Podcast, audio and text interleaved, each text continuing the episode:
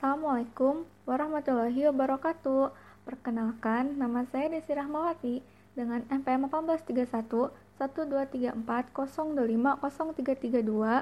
dari kelas Matematika Ekonomi dan Bisnis RM01. Di sini saya sendiri akan menjelaskan proyek UAS saya uh, tentang pengaruh penerima marginal pada perusahaan Istana Roti Anita Kalianget Sumeneb. Nah, sebelumnya saya sendiri akan membahas diferensial dulu nih. Persamaan diferensial digunakan untuk menyatakan hubungan yang kompleks antara satu variabel tak bebas dengan satu atau beberapa variabel tak bebas lainnya. Teori diferensial ini diterapkan dalam konsep elastisitas, konsep nilai marginal, dan konsep optimas, optimisasi.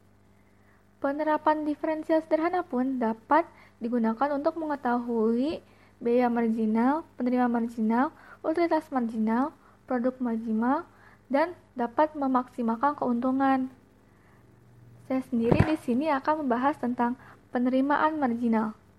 Sebelumnya apa sih penerimaan marginal? Nah, teman-teman, penerima marginal ini adalah tambahan penerimaan yang diperoleh sebagai hasil dari penjualan satu unit produk lagi. Karena harga tetap, maka penerima marginal konstan sesuai dengan tingkat harga. Oleh karena itu, kurva permintaan marginal sama dengan kurva penerimaan rata-rata dan sama juga dengan kurva permintaan. Pada studi kasus ini, saya sendiri akan mengambil dari perusahaan Istana Roti Anita Kaliangan Sumeneb.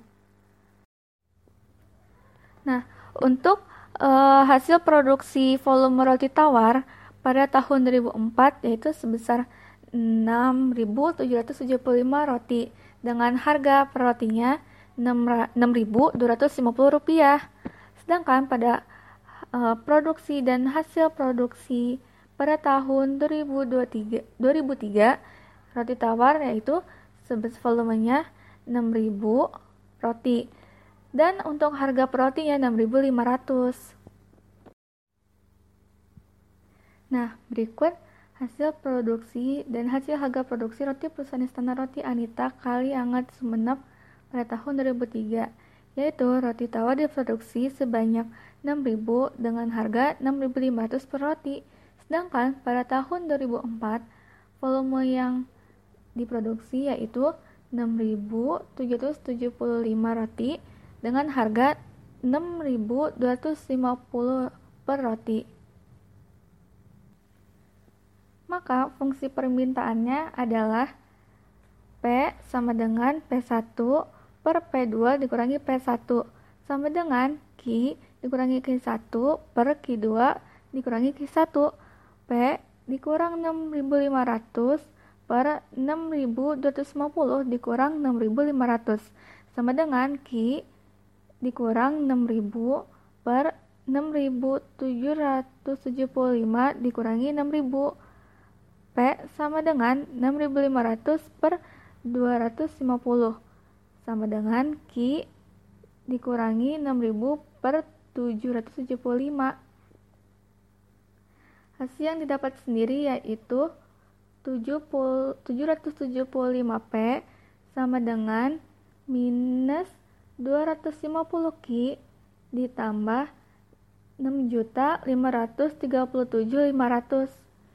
Nah, untuk P sendiri yang didapat yaitu minus 0,32 ditambah 8.435.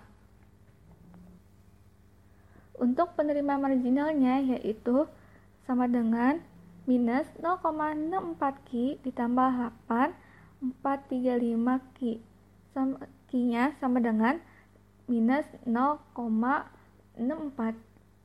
Nah, untuk P-nya berarti sama dengan minus 0,32 karena tadi Ki-nya sudah ketemu yaitu 0, minus 0,64 jadi minus 0,32 dikali minus 0,64 ditambah 8435 hasilnya yaitu 8435,2048